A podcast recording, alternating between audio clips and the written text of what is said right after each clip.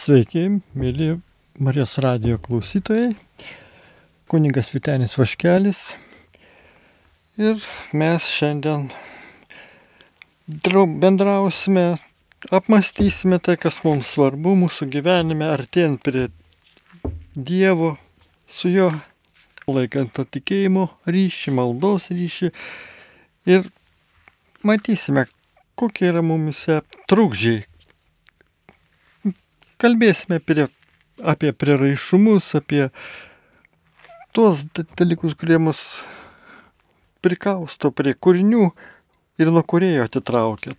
Laisvinant iš visokių va, tų prieraišumų likučių ir pasiremsiu dėl dar ir Geraldo Mairio, krikščionio, medicinos mokslo daktaro, labai žymaus psichiatro medžiagą taip pat ir nu, pabaigoje ir Ganso Baltazaro minčių pažersime, kad galėtume turiningai šitą laiką praleisti ir galėtume dar labiau išsilaisvinti iš tų dalykų, kurių dabar nematome, o šventai dvasiai apšvietus, toji šviesa mus tiesiog visus be galo stip, sustiprina ir mes pamatom tai, ko anksčiau nematėme. Kalbėjom anksčiau apie priklausomybės kaip apie tas, kurias kiekvienas žmogus pasaulyje turi, kad ir mažiausi prieraišumai vis tik tai yra mūsų gimtos nuodėmės padariniai. Tad norėdami įsiaiškinti, kaip tas blogis susijęs su žmogiškąja priklausomybės patirtim, Dar panagrinėkime trumpai gundimo savoką. Naujajam testamente jis daugiausia aiškinamas kaip pirminė velnio veikla suvedžiojimas. Kitais atvejais gundimas vertinamas kaip blogio jėga pati savaime. Dar kitur jis tiesiog laikomas žmogaus būties dalimi.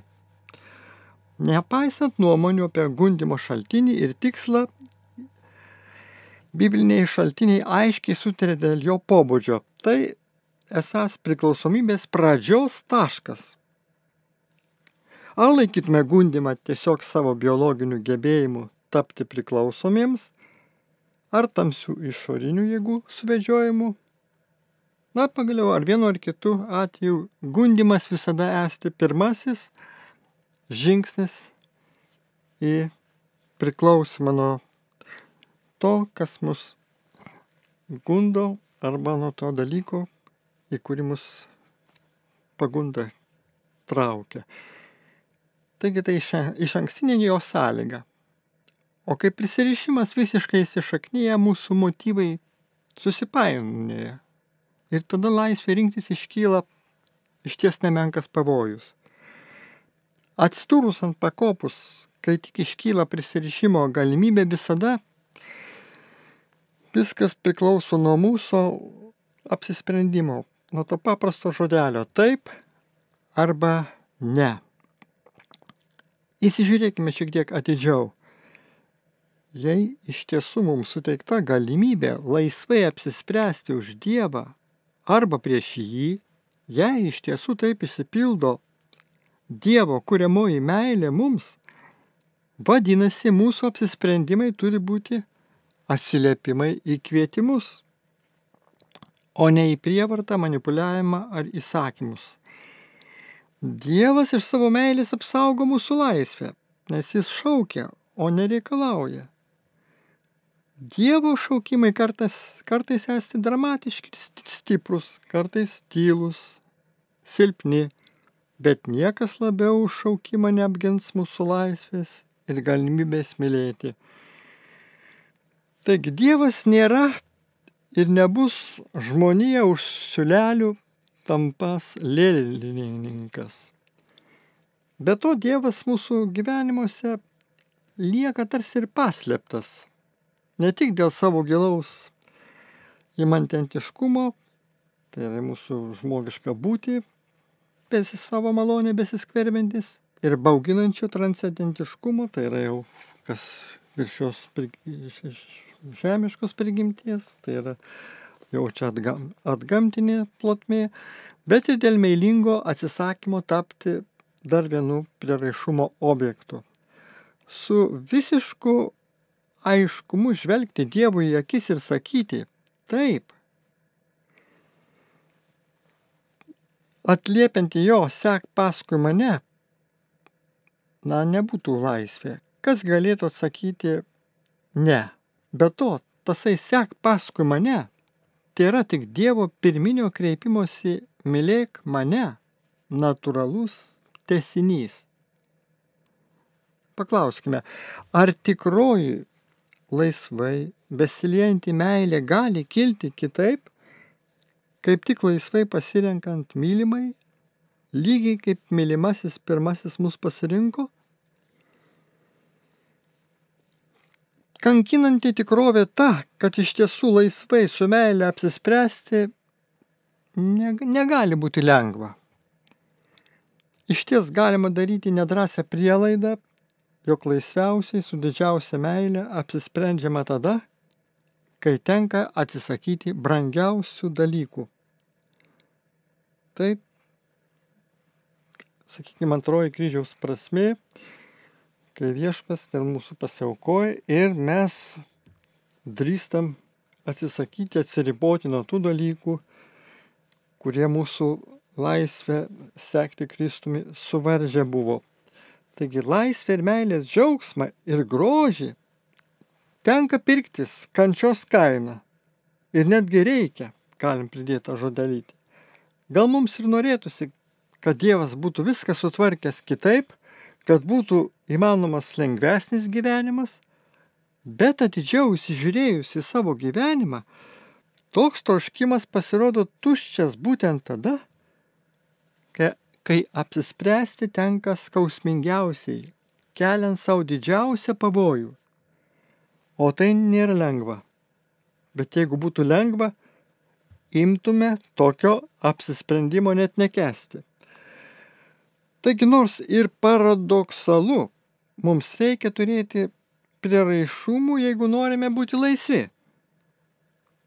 Kad galėtume oriai grįžti namo, tai yra į Dievo tėvo namus, turime jų atsisakyti. Reikia, kad Dievui šaukiant mus į meilę, būtume stumiami atgal, kad trokšdami laisvės būtume gundomi vergyjei.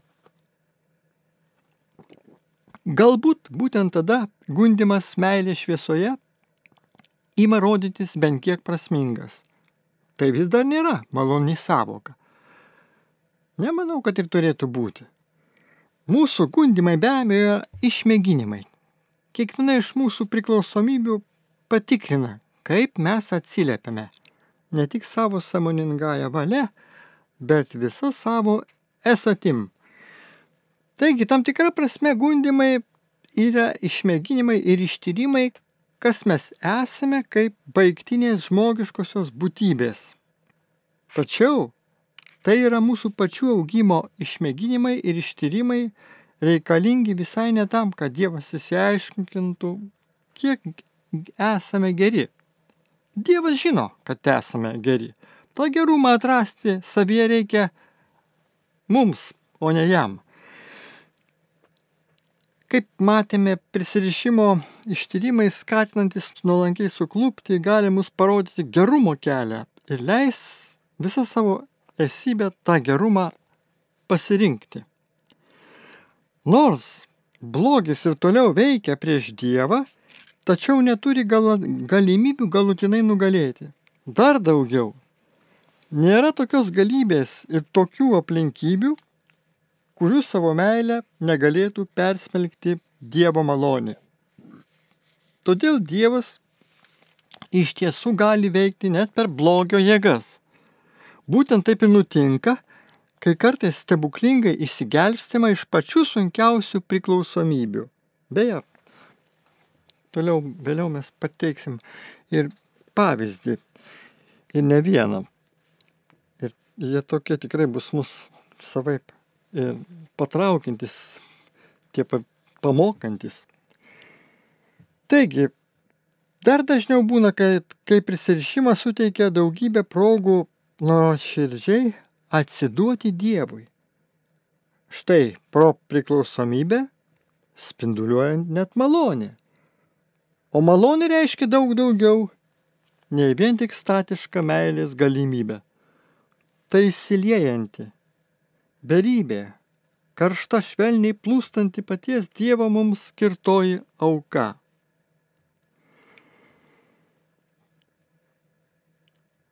Dievas daro tave nuolankų leisdamas tau palikti, paskui maitindamas tave mana, kurios nei jūs, nei jūsų protviai nežino, nežinojote, įdant tave pamokytų, kad žmogus gyvas ne vien duona, bet ir kiekvienų žodžių išeinančių iš viešpaties lūpų. Įstatymo knygoje Senajame testamente skaitome ir suprantame, kad čia yra va štai to viešpaties gelbstinti malonė, tas dosnumas mus, mūsų protėvius kadaise pastiprinęs. O štai jau apreiškimo knygos pabaigoje rašoma, kad šventoji dvasia sužadėtinė kviečia ateik. Ir kas girdi, te atsiliepia. Ateik ir kas trokšta, te ateina, ir kas nori, tiesysime dovanai gyvybės vandens. O štai modernioje vakarų visuomenėje daug veiklos rūšių vadinamos dvasinėmis dėl to, kad būna susijusios su meditacija ar kitomis ir iš dvasinių tradicijų perimtomis askezės praktikomis, kurios iš pirmo žvilgsnio atrodo taip pat va, teikia tam tikro dvasinio peno žmogaus gyvenimui pagerinti, bet iš tiesų negali atstoti krikščioniškų dvasingumo priemonių, negali paties Dievo pakeisti. Taigi, ar jos tikrai dvasinės dar priklauso ir nuo dalyvaujančio atsidavimo? Kas nors gali mus išmokyti medit, pavyzdžiui, meditacijos metodikos ar būdo melsis ir tai palengvins kai kurios mūsų priklausomybės nuo streso simptomus. Ši metodika kilusi iš dvasinės tradicijos susijusi su dvasiniais įvaizdžiais, tačiau dėl to jį netampa dvasinė. Iš tiesų, dvasinė jį darosi tik tada, kai mano pastangos pašvenčiamos meiliai ir nėra skirtos, na pavyzdžiui, vien kraujospūdžiui ar skrandžio rūkštingumui sumažinti. Tai širdies būsena. Jei norima pasišvesti širdyje, asketiška gali tapti kiekviena veikla, nors ir pasaulietiška. O be pasišventimo tikrai asketiška nebus jokia veikla, kad ir kokia dvasiška jį atrodytų.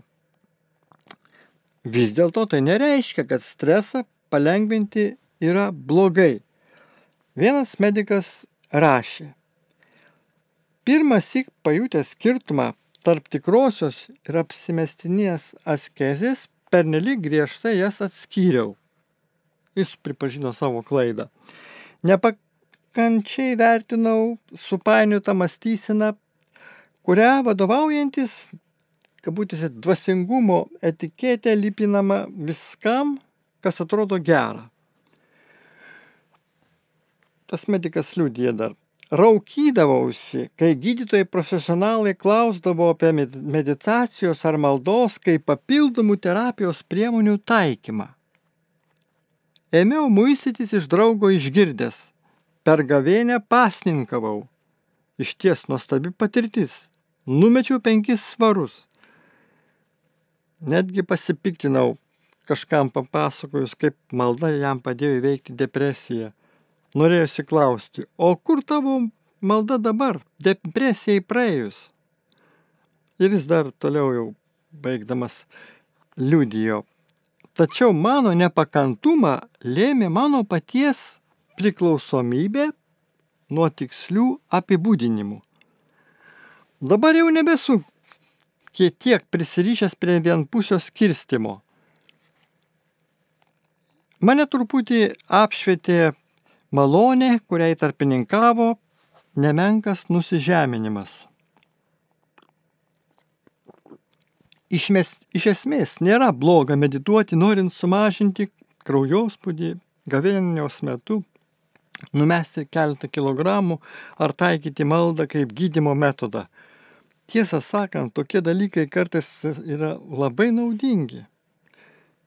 Ypač tai mes žinome, per išgydymo pamaldas vyksta nu, palaimingi pasikeitimai žmonių širdise, jų kūnuose ir jie paskui jau paliesti malonės dėkoja Dievui.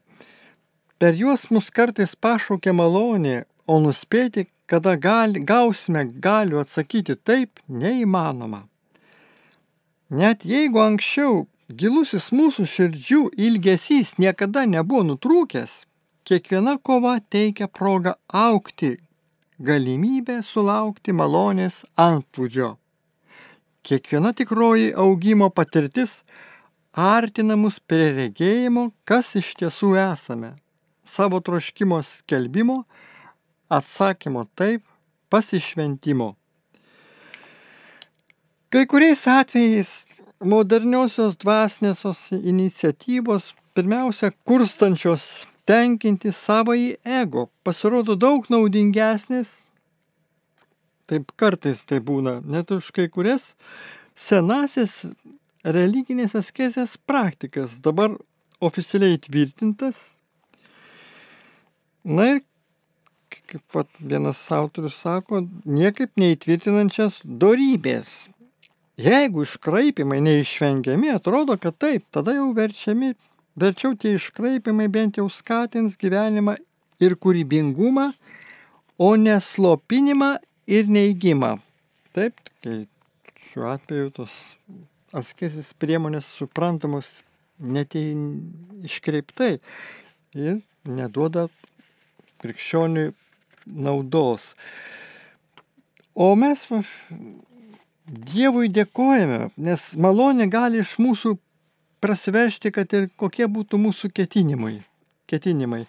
Dievas maloningai laukia, kol jai pritarsime ir dalyvausime perkeitime, tačiau gerybės jis mums teikia nieko nelaukdamas.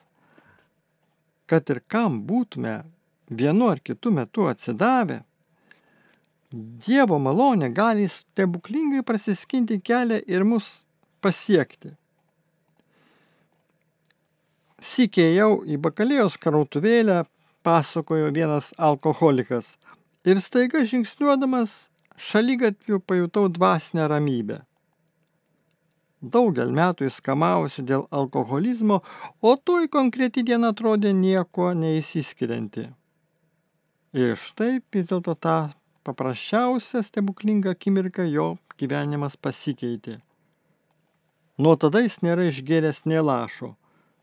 Savo patirties jis nenagrinėjo religijos požiūrių, žinojo tik vieną. Tai, kas atsitiko, nebuvo susiję nei su tuo, ko buvo išmokęs, nei su tuo, ką buvo daręs.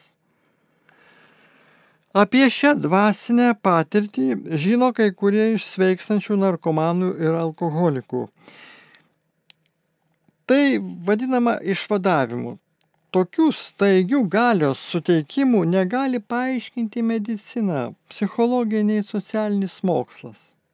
Juos patyrusieji vadina tai stebuklu. Dažnas iš jų daugelį metų kovoja su savo priklausomybėmis. Paskui staiga, be jokio perspėjimo, priklausomybės galios pakertamos. Išvadavimas atrodo panašus į bet kokį kitą stebuklingą fizinį, psichologinį ar socialinį išgyjimą. Tai atgamtiškos arba nepaprastos malonės, akivaizdus Dievo rankos įsikišimas, pakeičiantis fizinę sandarą bei funkciją ir suteikiantis galių aukti pilnatvės link. Priklausomybės atveju pagyjimas suteikia žmonėms galių keisti priklausomą elgseną. padarysim pertrauką, prašom.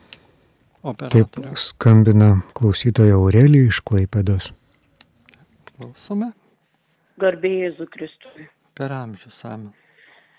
Aš negaliu, vat, visiškai nematau, man yra 43 metai. Ir raminu save alkoholiu. Nežinau, vat, taip noriu Dievo pagalbos išlaisvinimų iš tos alaus priklausomybės ir, ir tiesiog blogai jaučiuosi. Taip, suprantam. Visiškai nematau ir kažkaip tai vat noriu atsigerti, kad nusiraminti, bet tai aš pati mastau, kad tai neišeis gerą. Na, tik, tikrai taip, bet jeigu jūs dabar Marijos radijos šitą laidą klausote, tai vadinasi, Taip, pastoviai klausau. tai jūs šaunuolė, jūs, jūs Taip, me, taip. meldžiatės, jūs ar ne tiki Dievą pirmiausia. Taip, Ir tai va, belieka, žinot, nu, būtų gal dar ką pasakyti norėt, bet aš manau, kad jau ką pasakė, tai svarbiausia.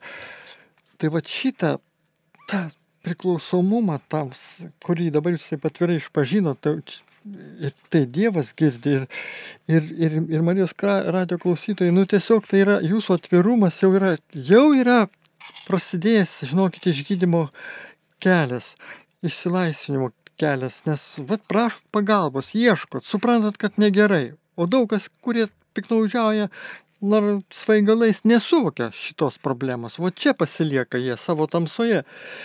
Tai vad, tai belieka pat, nu, nuoširdus patarimas atiduoti. Atiduoti viešpačiu šitą priklausomybę ir sakyti, Dieve pati negaliu susitvarkyti. Ir vat žinokit, iš karto tokia rekomendacija į anoniminio alkoholikų grupelę įsitraukti, jeigu mieste kur nors gyvenat. Ar, ar ne, nebandėt? ir kas mane palydės, aš visiškai akla esu. Ai, tada. O, o, bet jūs nu, tu turėt, norėtumėt, o jau pagaliau gal ir kas nors iš jūsų artimųjų. Ar... pamatyčiau. Ir Dievo prašau išgydymo kitiems. Aš, aš tikiu, Dievas viską gali. Nu, nuostabu. Tikrai taip. Visagalis viešpas, pats Jėzus Kristus gydo, va, deda rankas ant ligonių, išlaisvina iš jų negalių. Tai tik tikėk, kaip sakė viešpas. Tik tikėk. Tai va, tada apibendrinam tada ir šitaip galim sutarti. Viešpatie, tiesiog jūs galite ir kartu net pasimelsti, atiduotų tas savo, va, pirmiausia, tai priklausomybė. Tai yra dvasiniai tie žabangai, tos kliūtis, kurios trukdo man priimti va štai sveikatą, tą, kurią tu nori man duoti, tą išlaisvinimo dovaną ir akių regėjimą. Va, viešpatė, kad tą tuštumą, kurią turiu savyje, tu užpildytum pačiu savo malonės veikimu. Tad ateik viešpatė mano širdį, šventoji dvasia, pripildyk mane. O ir dabar per eterį, tiesioginį eterį galime melstį, o bet kokia bloga dvasia, tamsos dvasia, tavo štai kurį nors, kurį prispaudusi jau mūsų sesė Aurelija, tiesiog išlaisvink dabar viešpatė, nes nieko tau nėra negalima. Šią valandėlę Jėzaus Kristaus malonės gale, Jėzaus Kristaus krauju, tiesiog ateina išlaisvinimas, išvadavimas į, į tavo sielą. Dabar viešpaties valanda, dabar Dievo malonė, ten nužengia, te pripildo. Ir aš, Jėzau, priemu tavo išlaisvinančią jėgą. Galite sakyti kartu, Jėzau, priemu tavo išlaisvinančią jėgą. Pašitie, jeigu taip tarėte, viskas, tegul Dievas jūs laimina ir jums stiprybės iš visos širdies. Tad su Dievu.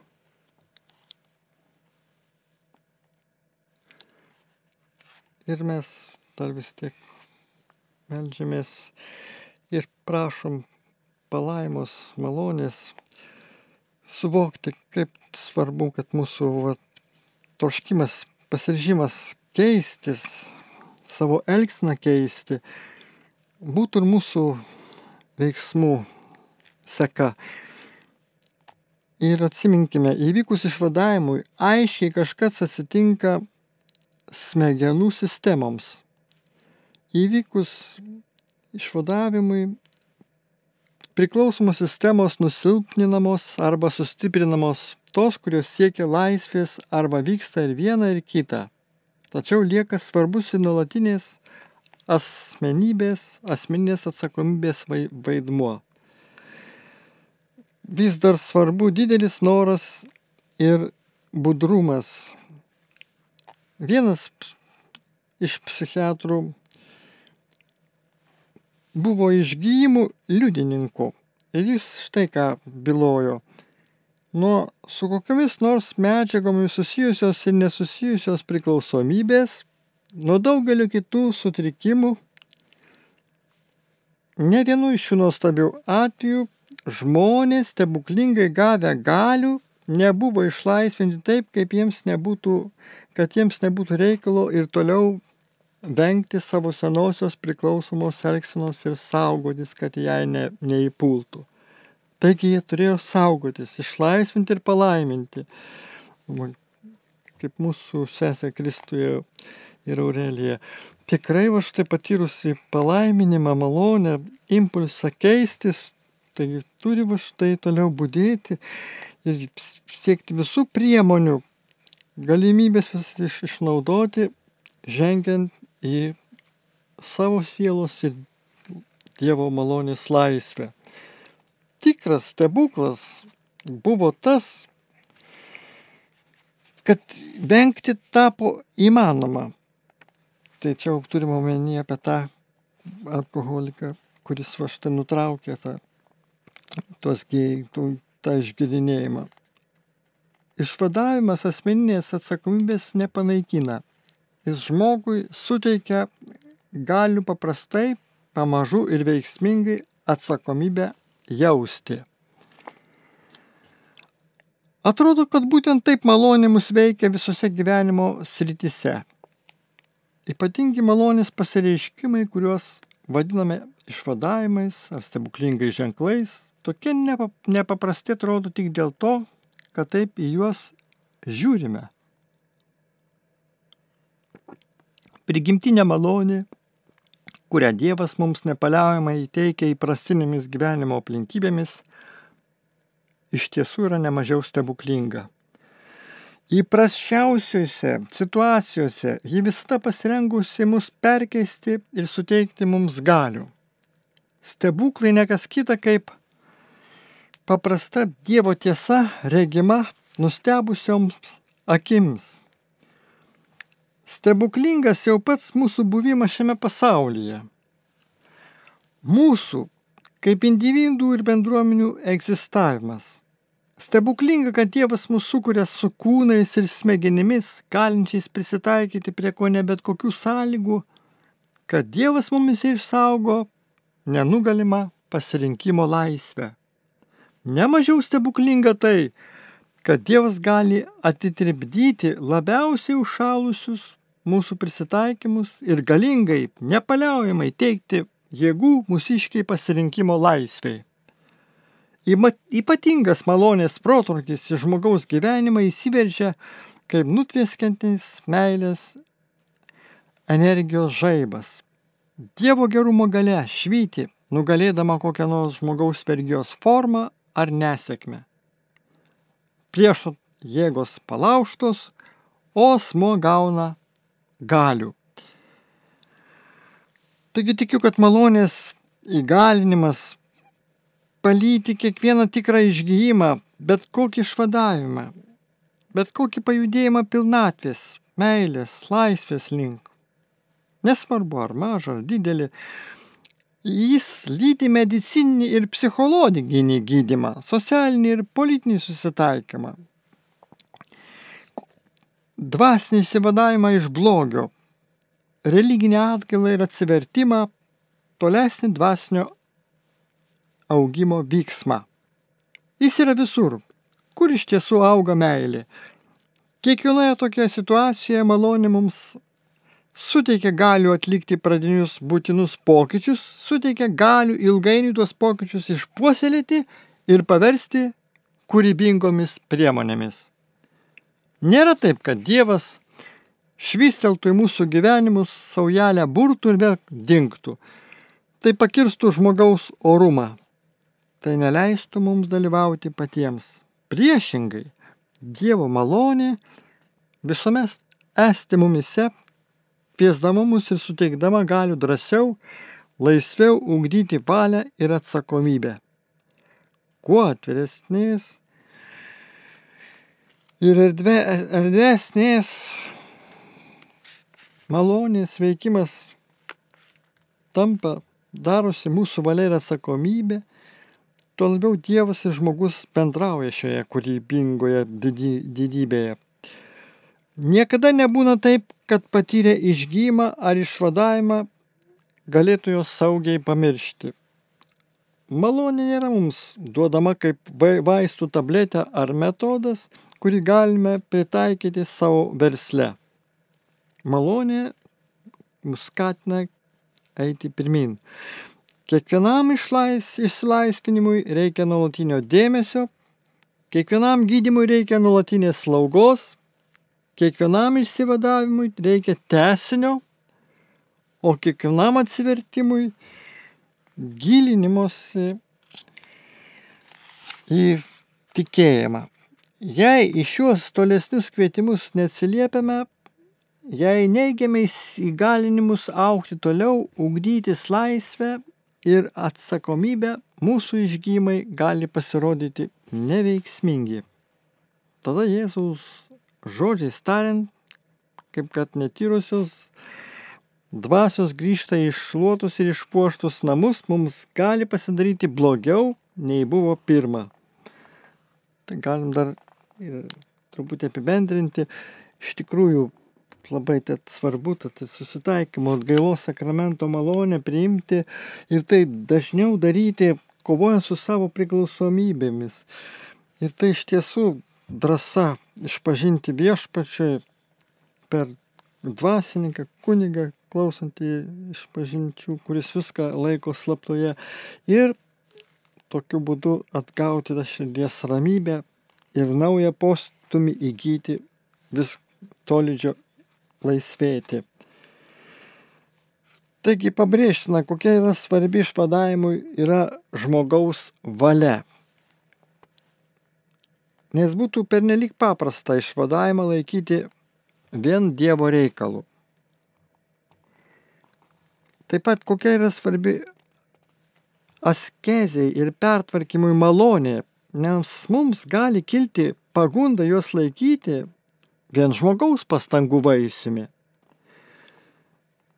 Bet koks tikras laisvės link žingsnis apima ir malonę, ir valią, Bet žinot, neįmanoma apibūdinti malonės ir valios sąveikus. Jei turėtume atsižvelgti tik į Dievo atgamtiškumą, mūsų aiškinimo pagrindas galėtų būti Dievo veiksmai ir mūsų atsiliepimai. Jei savo ruoštų susitelktume tik į Dievo tą imantentiškumą, tai įsileimą žmogiškosios būties mūsų pašventinimą, na, galėtume sukurti tam tikrą psichologinį aiškinimą, pagristą mūsų kelionę individualumo link ir tikrojo aš atradimu. Tačiau Dievas yra sikių ir imanentinis, ir transcendentinis, taigi bet kokia vienpusio aiškinimo čia tokio nepakaks. Paslaptis išlieka. Regime dar vieną pašventinimo prasme. Noras slėpinėje dalyvauti tikint, o nesuprantant. Negalėdami paaiškinti malonės ir valios neatsiejamumo, turime atsisakyti objektivaus svarstymo. Verčiau pasiklausysime pamokančių trijų istorijų. Dvasinis augimas tiems žmonėms, apie kuriuos dabar bus liudijima, neįtin rūpėjo.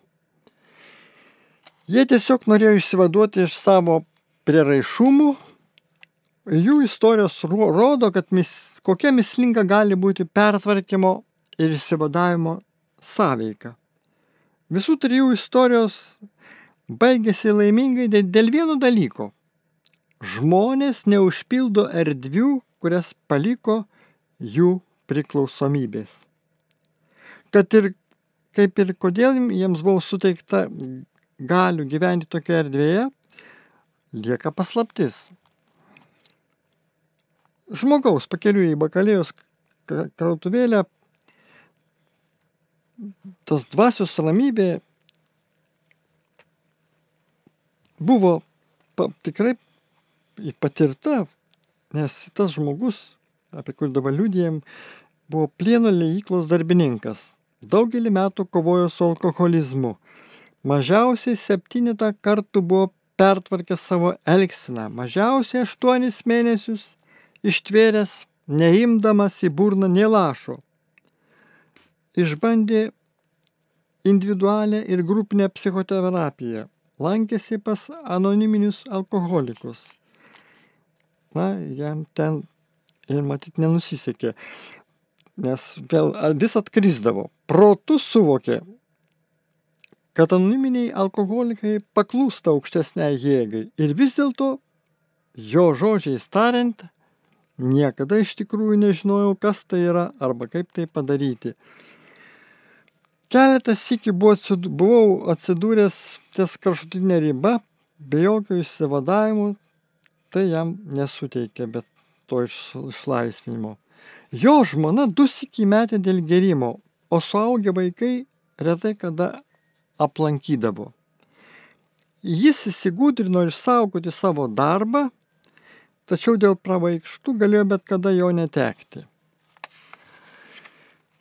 Ir bet kokie bandymai mesti gėrimą buvo sudėtingi ir audringi, kupini neįsipildžiusių pasiryžimų ir pakirsti valios jėgos. Netgi depresijos lydimi nuolatinių kaltinimų savo. Tačiau nuo tos akimirkos, patirtos tiesiog ant šalygatvio, viskas pasikeitė. Na, jis nepadarė tokio pasiryžimo mesti vėl. Tiesiog ne, nebeišgėrė kitos taurelės. Savo vaidmenį atliko disciplina ir nuoširdus siekis, bet nebuvo jokių pasiryžimų, nei valios jėgos. Vėliau jis taip nusakė šitą Tai nekovojau su troškimu vėl išgerti, tiesiog nebegėriau. Kas iki tol buvo taip sudėtinga, dabar tapo labai paprasta. Nelengva, bet paprasta. Štai kaip buvo. Jis ir toliau vaikščiojo pas anoniminius alkoholikus, nes tai padėjo jam likti budriam. Tačiau nesigrebė pakaitinių priklausomybių. Ten, kur būta alkoholio, dabar buvo tuštuma. Jis pasakojo, kad kas kart pagalvojus apie tuštumą, ji baugino, bet paliko ją ramybėje. Kartais užuot gėręs kaip anksčiau, jis tiesiog sėdėdavo ir žiūrėdavo į dangų. Nesididžiavo tuo, kad metė gerti, bet jam buvo gera. Gyvenimas nelaisvėje baigėsi.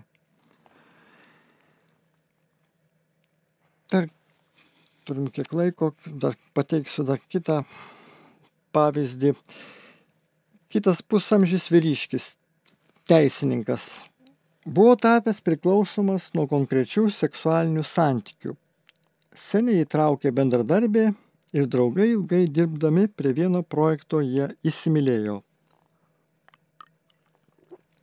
Ilgai visą tai slėpė nuo žmonos, pats nekesdamas to melo bet meilužė leido jam pasijusti tikrai gyvam pirmas tik po daugelio metų.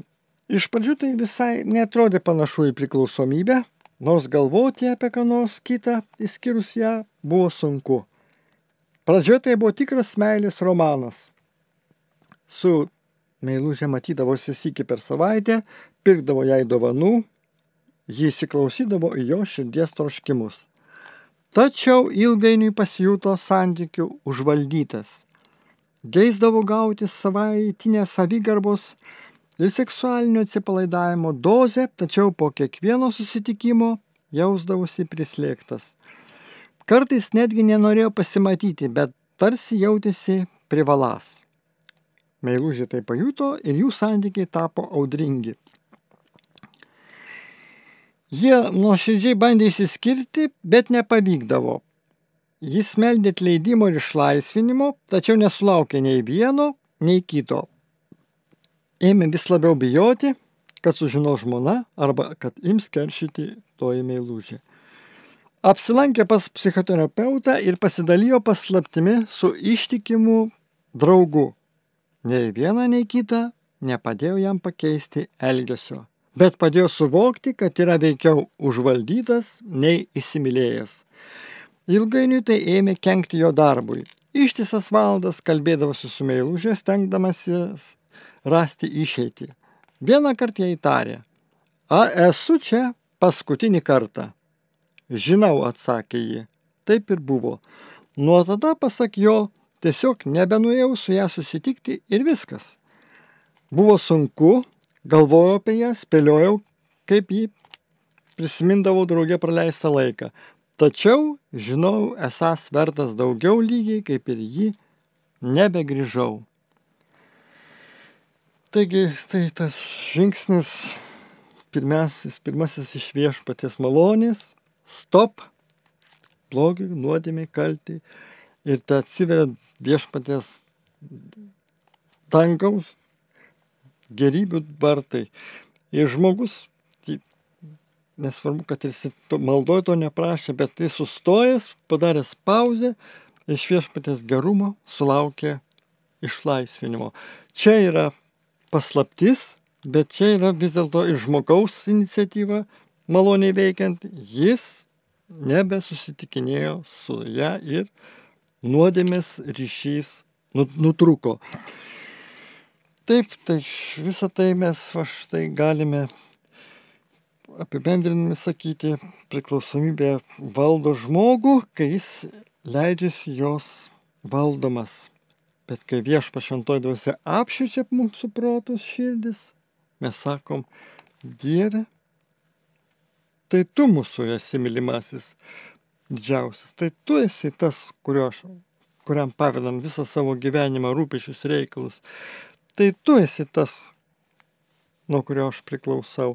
Ir noriu priklausyti, nes tavo jungas saldus našta lengva, nes tavo meilė begalinė.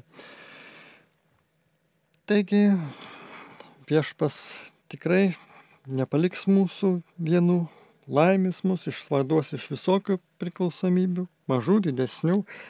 Kai melsimės, kai stengsimės tikrai ir patys kovoti su to troškimu, kažką daryti negero ir tai jaučiam, kad patys nepajėgia, vis dėlto pirmumą visada atiduosime viešpačių Dievui. Tu viešpatė išvaduok mane ir aš tikiu, kad esu išlaisvintas ir palaimintas, nes ir pats darau pastangų eiti į laisvę, į tiesą, į Dievo meilę. Viešpas visus jūs Marijos radijo klausytojai gausiai te laimina su Dievu.